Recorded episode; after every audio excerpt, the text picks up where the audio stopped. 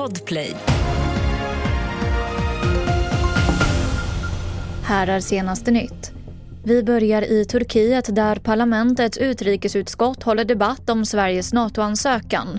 De flesta bedömare tror att omröstningen landar i ett stöd för svenskt NATO-medlemskap. Erdogan uppges vilja ha ett positivt besked med sig imorgon när han ska träffa Tysklands förbundskansler. Om det här nu går vägen, vad är nästa steg? Ja, då är nästa steg att eh, frågan går över till det turkiska parlamentet och en omröstning ska då ske där.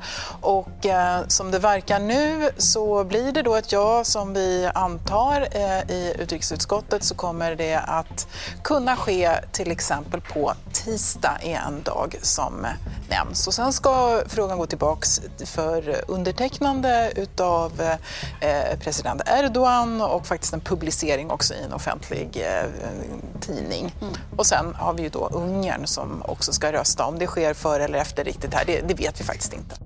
Det sa utrikeskommentator Lisa Grenfors. Tidöpartierna presenterar idag en färdplan för ny svensk kärnkraft. I den slås fast att ny kärnkraft motsvarande minst två storskaliga reaktorer ska vara på plats senast 2035.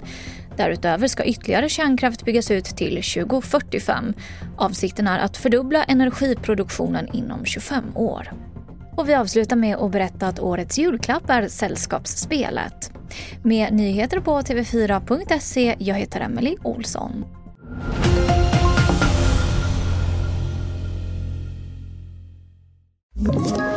Ett poddtips från Podplay. I podden Något Kaiko garanterar östgötarna Brutti och jag, Davva, dig en stor dos skratt. Där följer jag pladask för köttätandet igen. Man är lite som en jävla vampyr. Man har fått lite blodsmak och då måste man ha mer. Udda spaningar, fängslande anekdoter och en och annan arg rant.